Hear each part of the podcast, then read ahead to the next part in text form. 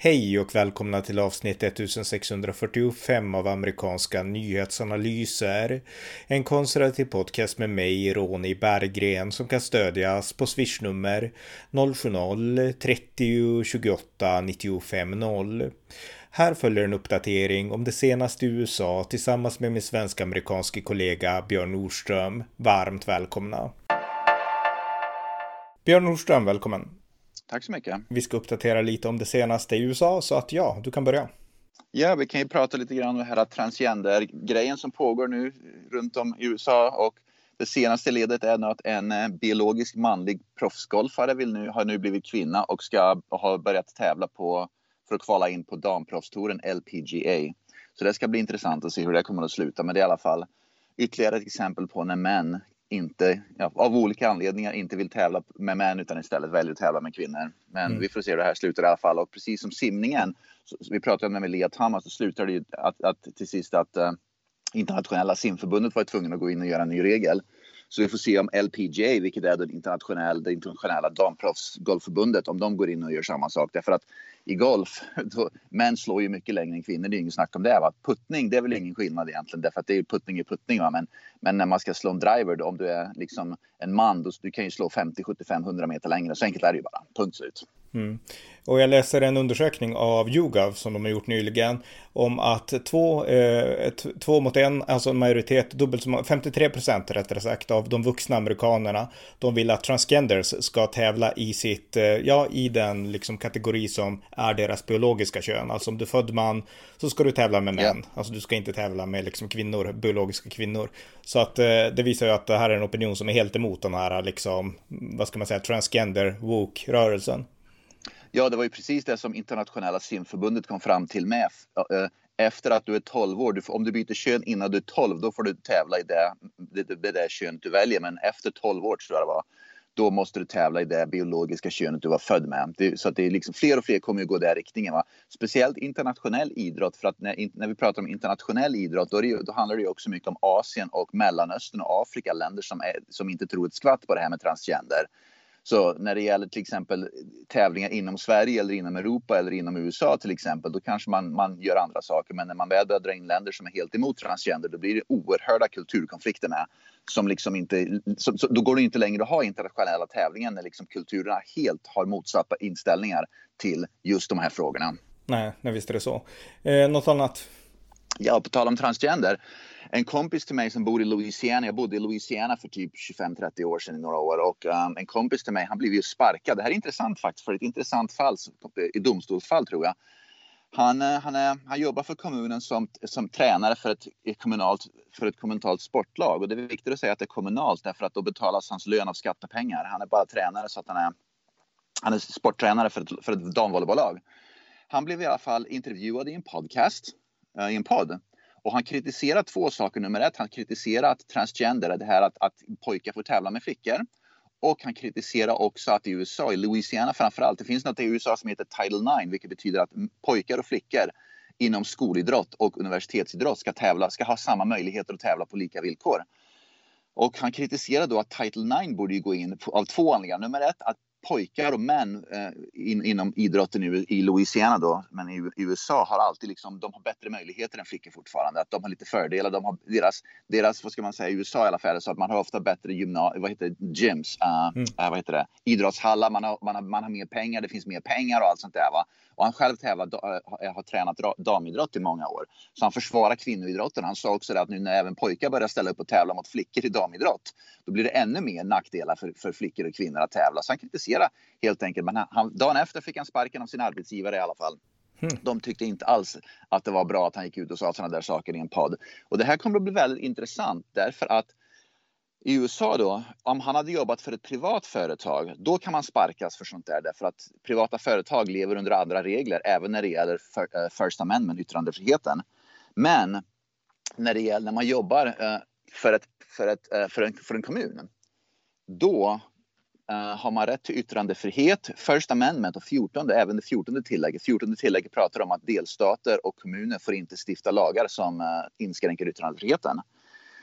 Så i alla fall, han håller på nu att kolla upp om han kan då ta det här ärendet till domstol, vilket han kommer att kunna göra såklart och förmodligen kommer att vinna därför att lagen säger så, va? om du är kommunalanställd, vilket han var, om du pratar av egenskap av privatperson, med andra ord, han representerar inte kommunen, han pratar av egenskap som privatperson. Och han pratar om sånt som berör allmänheten, en allm ett, ett, ett, ämne som är av allmänintresse. Vilket transgender är, vilket damidrott och flickidrott är naturligtvis. Det är ett allmänintresse. Mm. Så han kommer förmodligen ta det där till domstol nu, så vi får se i alla fall om han har rätt till yttrandefriheten enligt det som, som då lagen kräver. Och även då eh, eh vad heter det, Högsta domstolen har, har, har liksom satt precedens, prejudikat för sånt här förut. Men i alla fall, det visar då fortfarande i Louisiana som en hyfsat konservativ delstat att man får inte uttala sig negativt om transgender där heller. Va? Då ryker man direkt därför att de är så livrädda för att ha det där ämnet, att någon kritiserar det ämnet.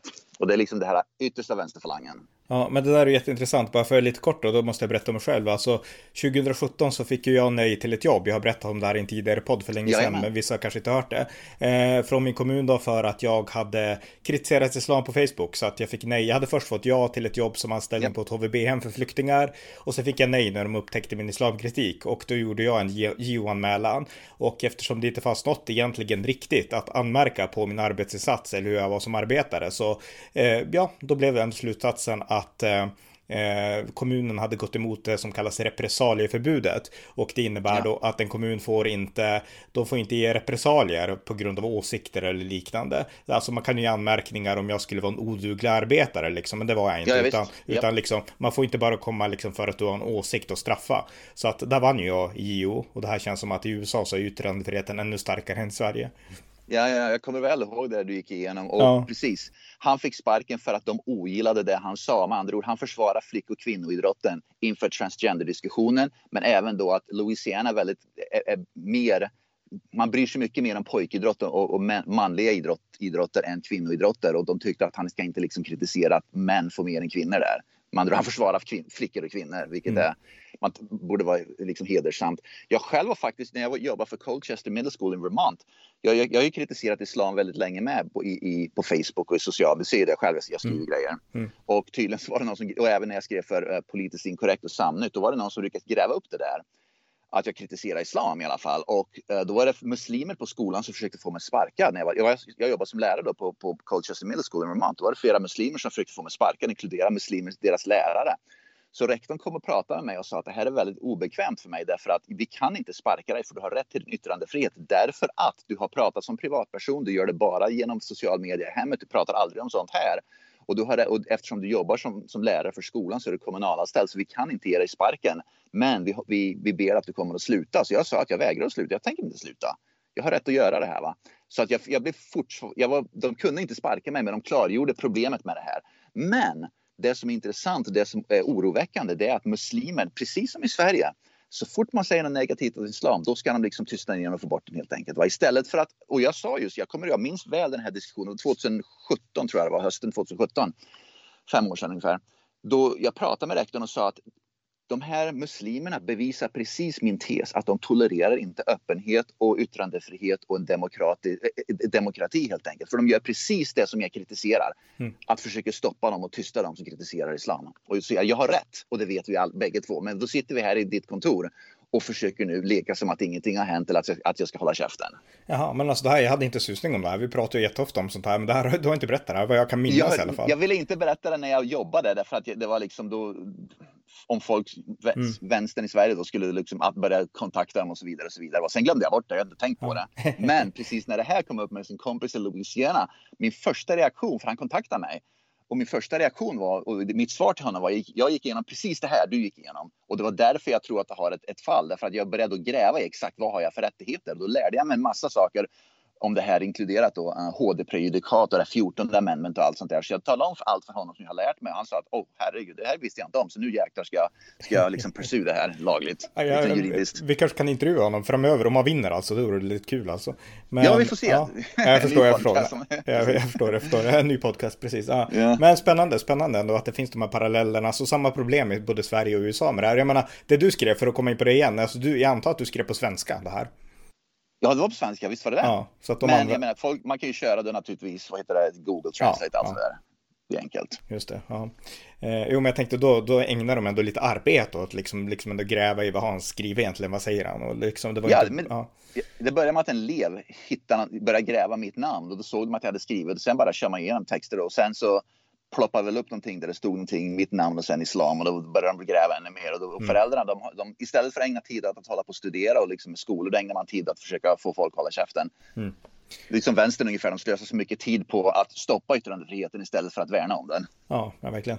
Ja, jätteintressant. Eh, nästa sak som jag tänkte berätta om det är att Sam Harris, den är kända, Ja. eh, han var ju känd som ateistförespråkare, han är väl det fortfarande, men han har också blivit känd som en slags podcaster, anti-woke och liknande. Men nu gjorde han ett eh, ganska, ja i mitt tycke konstigt uttalande. Han intervjuade i sin podcast som heter eh, Trigger Nom- Nometry heter podcasten, jag har aldrig lyssnat på den. Och där så fick han en fråga vad han tyckte om att eh, media hade censurerat eh, skandalerna kring Hunter Biden i valet 2020. Ja. Och då tänkte man att ja, han kommer tycka att det är förkastligt för han är för yttrandefrihet. Men nej, inte alls. Utan han, han, han sa snarare så här då att det, det var bra ungefär för att liksom till varje pris måste vi stoppa Trump liksom, menade Sam Harris. Va? Och han sa så här att jämför det med om det är en, eh, jag menar om det är en eh, Eh, vad säger man för något? Eh, en asteroid som liksom är på väg mot jorden. Då gör man ju vad som helst för att stoppa den ungefär.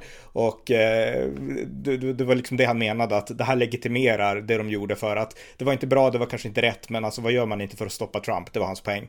Och eh, det förvånade mig. Nu är inte jag någon som hänger med som Harry så mycket numera, men ja, eh, det, det var ju väldigt besynnerligt tyckte jag. Ja, det, det ryker ju all trovärdighet för honom i alla fall. För att, Ja. att stoppa, det, här, det han gör, det är att han höjer upp intresset av att stoppa Donald Trump över demokratin och yttrandefriheten. Och för mig så finns det inget högre än demokratin och yttrandefriheten. Om du vill stoppa Donald Trump, gör det genom argument, gör det genom policies, gör det, genom, gör det, på, gör det på sätt som faller inom demokratin och yttrandefriheten på så vis. Gör det inte genom att tysta folk. Nej, exakt. För jag menar, det handlar om att berätta sanningen, sen får folk avgöra. Tycker, Precis. tycker de att Trump var så illa att han, då ska de rösta bort honom. Men det tillhör inte, liksom, det är inte teknokraters uppgift att stoppa Trump, utan är Trump Precis. dålig så är det folkets uppgift. Sen kan man tycka vad man vill ibland och vad folket röstar, men det är fortfarande så demokratier funkar. Och eh, jag fattar inte att Sam Harris bara åkte iväg åt det hållet. Det är liksom, jag har sett det här klippet och det är, ja, det, det är faktiskt väldigt allvarligt, därför att det här är en princip som båda sidor måste avhålla sig ifrån, liksom att målet helgar medlen. Det, är liksom, det går inte att tänka så inom en demokrati, om demokrati ska fungera. Precis, och han kan aldrig längre komma och säga att han är för yttrandefrihet och står för demokrati. Han kan inte ha den trovärdigheten längre. Nej, nej, alltså jag tror, alltså, och det är det som är problemet. Det här är en person som de flesta betraktar som väldigt intellektuell och väldigt tänkande, Precis, reflekterande och precis. så. så jag menar, han måste antingen pudla stenhårt och bara säga typ att det där var totalt korkat. Annars så tror jag att han kommer förlora jättemycket av sitt förtroende. För det intressanta med honom också, det är att det förtroende han har byggt upp, det är inte primärt bland vänstern. Det finns väl sådana också, men det är ju bland de Precis. här, liksom, det är nästan Trump-högern. Det är sådana som gillar sådana som Sam Harris och liknande.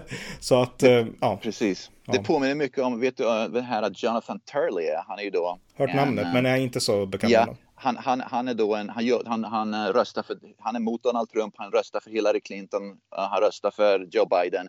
Men han är då, han är då en, en expertkommentator inom juridiska frågor för Fox News väldigt ofta. Men han, eh, han var den som stödde Donald Trump när det gällde uh, det här Russia hoax. Han stödde Brett Kavanaugh därför att han pratar rent juridiskt. Han stödde dem inte för att deras beteende var si eller så, utan han bara han kunde hålla sig objektivt. Han kunde skilja på sin roll som en polit, som liksom personlig, vilken politik han ville stödja, vilken kandidat och det juridiska i det hela. Va? Och han, hans namn kom ut alldeles nyligen. Nu, jag tänkte göra en poäng med det hela. Ja, just det, han, han, han är emot Donald Trump vad gäller politiken. Men han då pratar om det här med att FBI gjorde en raid mot, hans, mot Mar-a-Lago. Då. Mm. Och han pratar om att förmodligen så hade, kommer Donald Trump få rätt och FBI kommer att ha fel därför att den här, den här vad heter det, det här dokumentet, de här dokumenten då som FBI skickade in till domstolen för att göra den här raiden. Mm. I alla fall, han sa att de var väldigt vaga och de, de var inte till, tillräckligt detaljerade så att han sa att förmodligen kommer Donald Trump att få rätt i det här och, och FBI kommer att förlora det här i domstol så småningom.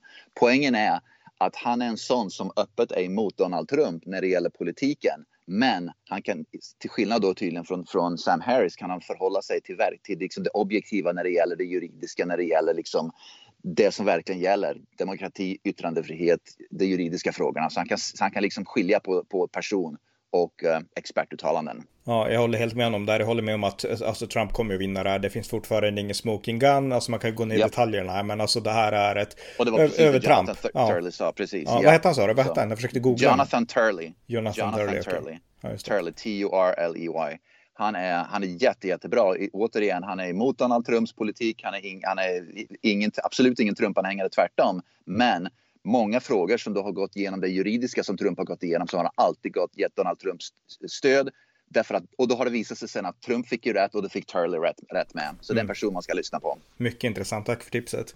Eh, ja. ja. vi fortsätter, något mer? Jajamän, eh, året som är nu, 2022, kommer verkar det som blir det, det året med absolut flest illegala invandrare som korsar gränsen från Mexiko in till USA. Så det blir nytt världsrekord här i USA i alla fall. Och eh, ja, det är som det är. Biden har noll koll och bara, då fortsätter det bara välla in. Så man ser verkligen nu att kandidaterna här i Arizona då pratar mycket om att bygga muren, bygga muren och så vidare. Va? Så att när kandidaterna här i Arizona då nu är då primärvalen, primärvalen klara här, så nu så börjar ju då kandidaterna, då Demokraterna och Republikanerna, då senatskandidater och guvernörskandidater börjar ju då köra reklam mot sin motståndare då, eftersom valen kommer upp då i november. Och man ser verkligen att, eh, att Republikanerna kör, de kör, familjen är viktig, men också säkra gränsen och allt sånt där. Va? Så man ser verkligen vad som gäller då för den republikanska sidan. Och det intressanta är att Demokraterna, då även Mark Kelly då, som redan sitter i senaten, Demokraterna kör bara det som Socialdemokraterna, bara skrämselpropaganda. Om Republikanerna vinner så kommer vi alla att dö. Vädret kommer att gå, eh, klimatet kommer att gå åt skogen och de är livsfarliga, de är extremhöger allihopa ute på republikanska hållet. Va? Så att de bara kör skrämselpropaganda. Men Republikanerna kör mycket med vi måste säkra gränsen, liksom illegala invandrare bara väller in, vilket de faktiskt gör. Det, det liksom, jag bor här så jag, man, man, upplever det, man, vet, man ser det verkligen. Mm och så vidare. Och så, vidare. så man ser verkligen två helt olika typer av reklamkampanjer och det påminner väldigt mycket om Sverige. Sossarna bara kör skrämselkampanjer. Om Alliansen vinner, om Moderaterna, om social, äh, Sverigedemokraterna vinner så liksom, då går världen under ungefär. Mm. Men det här får oss över till det vi brukar prata om, nämligen att eh, man har ju läst på det här i de här sydliga delstaterna, så att man ja. bussar migranter upp till, ja. till Washington DC och New York och liknande. Och nu ja. läser jag just nu i New York Times en artikel idag som heter A migrant wave tests New York City's identity ja. as the world's sanctuary. Och eh, där står det att det här, liksom New York, det, det, är liksom, det är världens fristad, hit kan alla komma, Frihetsgudinnan står välkomna alla. Men nu när liksom Greg Abbott, guvernören i Texas, skickar liksom migranter med buss, då då, testar det verkligen New Yorks förmåga. Och nu är man på bristningsgränsen står det här och, och sådär. Så att det här visar verkligen, återigen, alltså skillnaden mellan teori och praktik. I teorin så låter det fint att öppna gränserna och ha en öppen stad och liknande. Men i praktiken så, jag menar, jag tycker det här, den här bussningen är jag helt för den. Därför att det här, det här yep. blir ju ett wake-up call för de här liberala politikerna att eh, man måste också förhålla sig till verkligheten. Man kan inte bara tänka utopiskt, utan verkligheten är praktisk och där har man ansvar för de människor som bor på platsen man har ansvar för. Man har inte liksom primärt ansvar för människor från andra sidan gränsen eller andra sidan jorden. Och eh, det här kanske blir någon slags wake-up call nu för, för de här eh, demokraterna i New York. Jo, precis. Jag bodde i Vermont och jag bodde ju nära gränsen i Kanada. Det är ju så här man resonerar där uppe ungefär. Man, man griper sig inte på hur gränsen mot Mexiko är, är, är annorlunda till skillnad från gränsen eh, mot Kanada. Så Vermont de tycker att klart vi ska öppna gränser. Det fungerar ju mot Kanada. Där har vi ju inga problem med det. Det är som att, men herregud, det är ju, kanadensare flyger inte snarare så att amerikaner flyger till Kanada snart. Men det är liksom så resonemanget går där uppe i nordöstra USA. Att man tror på något sätt att, att det är inga problem att, att ha en öppen gräns därför att om det fungerar mot Kanada där vi bor nära då borde det fungera mot Mexiko med. Va? Utan att begripa skillnaden på befolkningen som bor söder om Mexikogränsen. Va? Mm. Det är liksom, man, man, och, och sen så vill man ju inte heller erkänna att det kanske är en skillnad på de människorna som kommer hit va? gentemot en kanadensare som korsar gränsen och vill hit och jobba. Mm.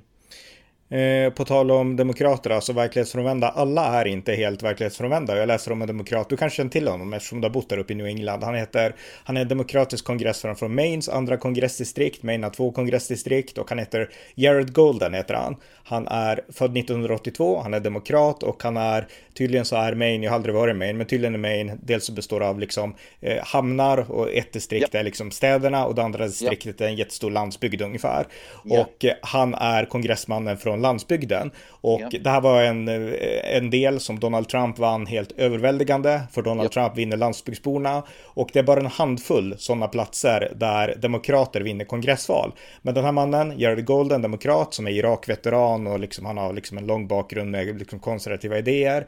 Han har vunnit och han har nu varit kongressman sedan 2019, han vann 2018 och de flesta bedömer att han kommer att vinna igen och han är en stark kritiker, han är demokrat, kom ihåg det, av Joe Biden och demokraterna i Washington DC är så frustrerade på honom, läser jag en artikel i The Economist, att de har till och med liksom önskat få fram någon som kan liksom utmana honom i ett primärval och sparka ut honom. Men de flesta bedömer att han, han kommer att vinna och det här är någon slags lantisdemokrat helt enkelt, ganska unikt. Men han är också någonting som eh, The Economist skriver här att eh, han bevisar att demokraterna behöver inte liksom kapitulera landsbygden till republikanerna utan det går, även om det kanske kan vara tufft ibland, men det går att vara demokrat och vinna landsbygdsväljare. Och den här personen då, eh, Jared Golden, han är ett bevis för det, skriver de. Jag tror det påminner lite grann om det här att Joe Manchin är demokrat och representerar West Virginia. Men det går inte att vara en vänsterliberal demokrat. Du måste vara en väldigt mitten eller på högerkanten. Jag har varit i Maine, spenderat väldigt mycket tid i Maine. Och Maine är ju då tvådelad. Det är två helt olika världar. En är i städerna och en är i landsbygden. Så det är två helt olika världar. Det är inget snack om det. va?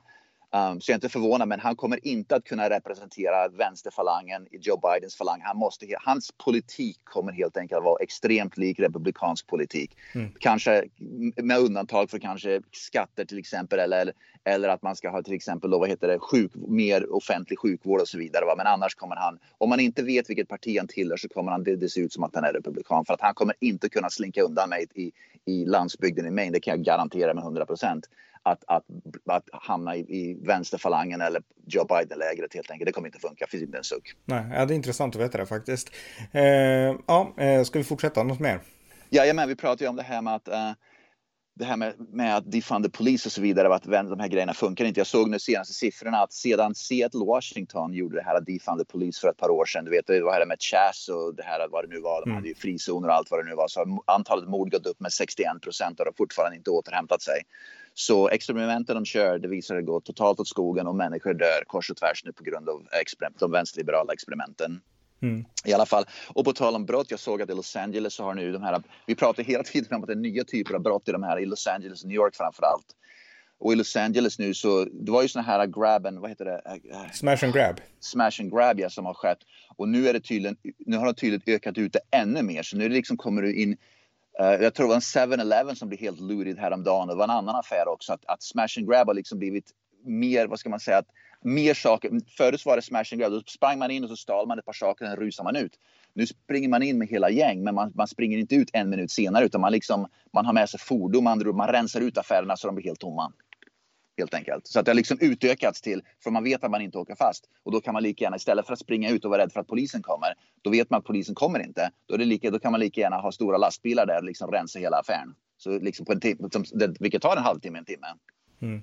Och det här är alltså bara för att hamra in där alla som lyssnar, för nu är det val i Sverige också, det är mycket prat om lag och ordning. Alltså om man låter laglösheten råda, då går nationen till slut under. Alltså nationalstater ja, kan inte fungera i laglöshet. Så att sådana här saker är inte bara var konstigt och otäckt, utan det här, det hotar verkligen liksom hela samhällsbygget, sån här brottslighet, när, när liksom myndigheter, politiker är för rädda och för svaga så att man låter det fortgå istället. Så att det här är, sånt här måste man ta itu med hårt och bestämt, för att annars undermineras hela samhället. Ja, jag har en kompis här i Arizona som är, han är mångmiljonär i dollars, en rik person. Så, jag, så, han har ju råd att bo i, i Los Angeles. Han bodde i Los Angeles-området, ett fint område. Jag, jag pratade om det förra Jag frågade honom varför flyttade från, från ett fint Los Angeles-område till, till Arizona. Han sa rakt ut kriminaliteten, den alldeles för hög. Mm. Det, är liksom, det, det, det, är helt fritt nu. Det är liksom fritt att begå brott och jag vill inte längre bo där. Man, jag, jag bodde i ett skyddat område, i en sån gated community, ett fint hus med vakter och allt sånt där. Men men jag vill inte bo kvar där för att så fort man hoppar in i bilen och åker någonstans så är risken överhängande att man blir rånad, skjuten, mördad eller någonting. Och det, är liksom, det, det är för otryggt helt enkelt, även då för, för människor som har pengar. Ja, det är så absurt. Jag menar, undrar hur de här fattiga, de allra svagaste, om de drabbas också eller om de har bara riktat in sig på rika. Därför att jag menar, det måste vara fruktansvärt att vara fattig i så fall i en sån miljö. Eh, de, de, som drabbas mest är ju faktiskt fattiga därför att droghandeln har ökat naturligtvis mycket mer med. Va? Det, är mm. det, det jag pratat om det väldigt mycket förut. Det är framförallt svarta som skjuter svarta i svarta getton över droger. Det är det största anledningen till morden. Va? Att man skjuter en vit rik, det är ganska ovanligt därför att vita rika gömmer sig helt enkelt. Va? De låser in sig när de åker ut någonstans och liksom skyddar så att de, de kan hålla sig undan till mångt och mycket. Så det, det är faktiskt de fattiga som drabbas mest. Absolut, så är det ju bara. Och det är det som inte vänstern begriper, som demokraterna begriper. Så de, de vänsterliberalerna som kör de här defund the police och allt sånt där, de förstår inte att det de den gruppen som de påstår sig värna om, det är precis samma grupp som drabbas absolut mest. Punkt slut. Mm, just det. Ja, eh, fortsätt. Jajamän, Brian Stelter, vet du vem det är? Han är ju då CNN-reporter, en känd. Han har nu i alla fall blivit sparkad från CNN därför att hans CNN har anställt en ny CEO och den nya CEOn för CNN vill nu göra CNN mindre aktivistiskt och mer som en information som CNN var för kanske 20-30 år sedan, mer av en informationskälla och återetablera då, vad ska man säga, trovärdigheten för CNN. Så ställt rök med alldeles för några dagar sedan. Mm. Så att eh, de, de rensar rent hus där nu, vilket är alldeles utmärkt. Är Don, Lem är Don Lemon kvar? Han är ju sämst av alla. Jag tror att han är kvar, men han kommer nog ryka. Jag tror att Problemet med det är att han är, då, han är ju då uh, svart och homosexuell så att han blir väl svårt att sparka därför att han har då de här boxarna, de här, han liksom checkar av de boxarna va? vilket gör det svårt att sparka honom. Uh, Cuomo och Stelter, då vita män, de är ganska enkla att sparka därför att det är bara vita män, medelålders vita män ändå. Mm. Ja, det ska bli intressant att se hur scenen utvecklas, men det här är någonting som kanske kan man locka, lyckas återupprätta skutan igen, vi får se. Ja, vi får se hur det slutar och Uh, på tal om det här Demokraternas då, um, deras hyckleri. Uh, Joe Biden, det här, vi pratar mycket om att Joe Biden struntar i säga, gränssäkerhet mot Mexiko och så vidare. Däremot spenderar amerikanska skattebetalare uh, en halv miljon dollar, vilket är då till fem miljoner svenska kronor för att bygga en mur eller ett staket då runt hans hus. Så att han får då det skyddet som han vill ha för att inkräktare inte ska ta sig in medan uh, han bryr sig inte ett skvatt om inkräktare som tar sig in i USA. Mm, ja, precis. Ja. Eh, ja. ja, något mer? Jajamän, på tal om transgender igen. En transgender, en, en biologisk man. I USA finns det sådana här, det kallas för såna här Greek houses, sådana här uh, fraternities och sororities, vilket är kvinnogrupper och mansgrupper. Då. Det här har att göra med här Greek life, Greek life. Jag vet inte vad det heter på svenska om det ens finns. Men i alla fall, det är såna här, vad ska man säga, grupper som består enbart av män eller enbart av kvinnor då, där man har framför, det, det, det är väl mest personer då, framförallt rikare, uh, rikare universitetselever som håller på med sånt där. Som, och det, det handlar i princip bara om att festa och supa. Okay. I alla fall. Men i alla fall, då var det en biologisk man som då är kvinna som försökte ta sig in i de här sororities. Sororities är kvinnogrupper som bara kvinnor får vara med i. Men alla de kvinnogrupperna i Northwestern University i Chicago och University of Alabama i Tuscaloosa, Alabama uh, sa nej. Han får inte, den biologiska mannen som är kvinna får inte vara med i de grupperna i alla fall. De sa att du är en biologisk man, du får vara med i fraternities, vilket är de biologiska manliga grupperna istället. Va? Så att han blev nekad det. Hon ja, blev nekad det. Just det. Och det visar, då, det visar ju då också att, att eh, vad ska man säga, de biologiska kvinnorna inte egentligen vill ha någonting med det transgender att göra. Nej. Nej, det kan man förstå. Ja, det är de som drabbas hårdast. Men det är oftast män som pratar om det här kritiskt. Eh, fler tror jag i alla fall än kvinnor, men det tror jag i alla fall. Ja. Ja. Uh, jag tänkte, har du pratat om Liz Cheney förresten? Hon, ja, hon, eh, lite hon åkte ut, precis. Hon hade, ja, men ja. återigen så bekräftade det att Donald Trump har fortfarande makt. Mm, verkligen, verkligen. Yep. Ja, så är det. Något annat? Yep. I, uh, Enis Kanter, vi pratat om det förut, en NBA-spelare. Han spelade för Boston Celtics förr. Jag, kommer inte, jag vet inte vilket lag han spelar, jag hänger inte med där. Men i alla fall, han är då en NBA, NBA professionell basketspelare som kritiserar superstjärnan LeBron James väldigt mycket och NBA. Han har i alla fall återigen kritiserat NBA nu för att NBA har nu gått ut och uppmanat um, människor i USA att gå ut och rösta och gå ut och rösta på Demokraterna ungefär. Så NBA, alla vet ju om att det är en sån här vänsterliberal organisation. Så, att de, så NBA vill att människor ska gå ut och rösta och framförallt gå ut och rösta på demokratiska kandidater. Va? Men Ines Cantor i alla fall har gått ut nu och kritiserat NBA och sagt att samtidigt som ni går ut och vill att amerikanska folket ska rösta så ägs NBA till stor del av Kina. Men ni vågar inte kritisera Kina som är då ett land där det råder i princip diktatur. Va? Mm. Så att han sa att ni, ni är NBA, med andra ord hans egen arbetsgivare ungefär. Uh, ni, är, ni är inget annat än hycklare. Ni pratar om vikten i rösträtt och gå ut och rösta demokrati men ni vågar inte säga någonting om Kina därför att Kina äger halva NBA. Så mm. de vågar ni inte stöta er med. Så det, det är bra att det finns sådana röster i alla fall. Ja, ja verkligen, verkligen, verkligen. Eh, ja, eh, något annat? Jajamän, uh, jag såg att San Francisco uh, har börjat spendera mer pengar på polismyndigheten igen. Det var också en stad som, uh, som gjorde det här defund the police, men de har i alla fall börjat och vi har pratat mycket om San Francisco, alla brott och, liksom, och laglöshet och hemlöshet och allting. Så att San Francisco spenderar allt mer pengar nu på Polismyndigheten för att bygga upp den igen. Mm. Återigen, det har förstört massa liv, många har blivit mördade och det har förstört massa liv på grund av det experimentet. Men för att de så, några år senare ska återgå till det, till det som liksom är normala, att man ska kunna försöka skydda medborgarna där. Mm. Ja. Eh, ja, jag har inget mer alls. Så att, eh, har du fler saker så dra dem. Uh, uh, en, i, jag har några snabba saker. Mm. I Minneapolis i alla fall så har kommun, Minneapolis då, kommunen Minneapolis har instiftat en rasistisk lag där man säger att om kommunen måste sparka lärare, med andra ord säga att, det, att, det, att man måste göra sig av med lärare, då ska man göra, av, göra sig av med lärare som har vit hudfärg först. Om man ska anställa lärare så ska man anställa lärare som inte har vit hudfärg först. Som andra ord, man säger att vita ska sparkas först och anställas sist. Mm. Vilket är rårasism. Jag förstår inte hur det kan vara lagligt helt enkelt. Va? För att det, det, det om någonting är ju liksom diskriminering och rasism och allt vad det nu heter. Va? Mm. Helt otroligt. Ja, det, det är makalöst verkligen. verkligen. Ja, eh, fortsätt om du hade något mer. Ja, uh, tror jag har... Uh... Nej, det var, jag tror allt jag hade faktiskt. Ja, okej. Okay. Oh, ja, en, en, sak, ja, en, sak yes, till, en, sak, yes. en sak till. På tal om uh, Chris Cuomo. Uh, förlåt, uh, Chris Cuomo, Andrew Cuomo. Andrew. För detta, mm. yeah, Andrew Cuomo, sorry. Uh, Andrew Cuomo, före detta guvernören för New York. Han, blev, han var ju då anklagad för sextrakasserier så att blev han sparkad eller sa han upp sig? Nu kommer jag inte ihåg det. Men i alla fall, han rök som guvernör i alla ja. fall. Han i alla fall kräver nu att skattebetalarna i New York ska betala hans, uh, hans juridiska, hans, hans, vad heter det, legal fees. Hmm. Så att hans, han trakasserade då kvinnor sexuellt och nu som som en, som en före detta guvernör så vill han att skattebetalarna i New York ska stå för hans eh, advokatkostnader. För det kommer ju hamna i domstol och liksom, han blir stämd kors och tvärs nu. Va? Mm. Vilket är lägre än så kan man ju inte sjunka. Va? Samtidigt som samma Andrew Cuomo tydligen sitter på mångmiljonbelopp i dollar från hans eh, guvernörskandidatskampanjer då som han fick donationer till som han inte spenderade. Så han sitter på massa pengar som han vill ha själv som folk donerar till hans kampanjer så vill han istället att, att skattebetalarna ska pumpa in pengar för att betala hans advokatsomkostnader. Hur har, reaktion, hur har reaktionerna på det varit om du vet det? Folk blir skitförbannade. Men mm. de, det, det, liksom, även i New York-borna tycker att det är fruktansvärt. Att det, det är så, lägre än så kan man inte sjunka. Va? Så. Ja.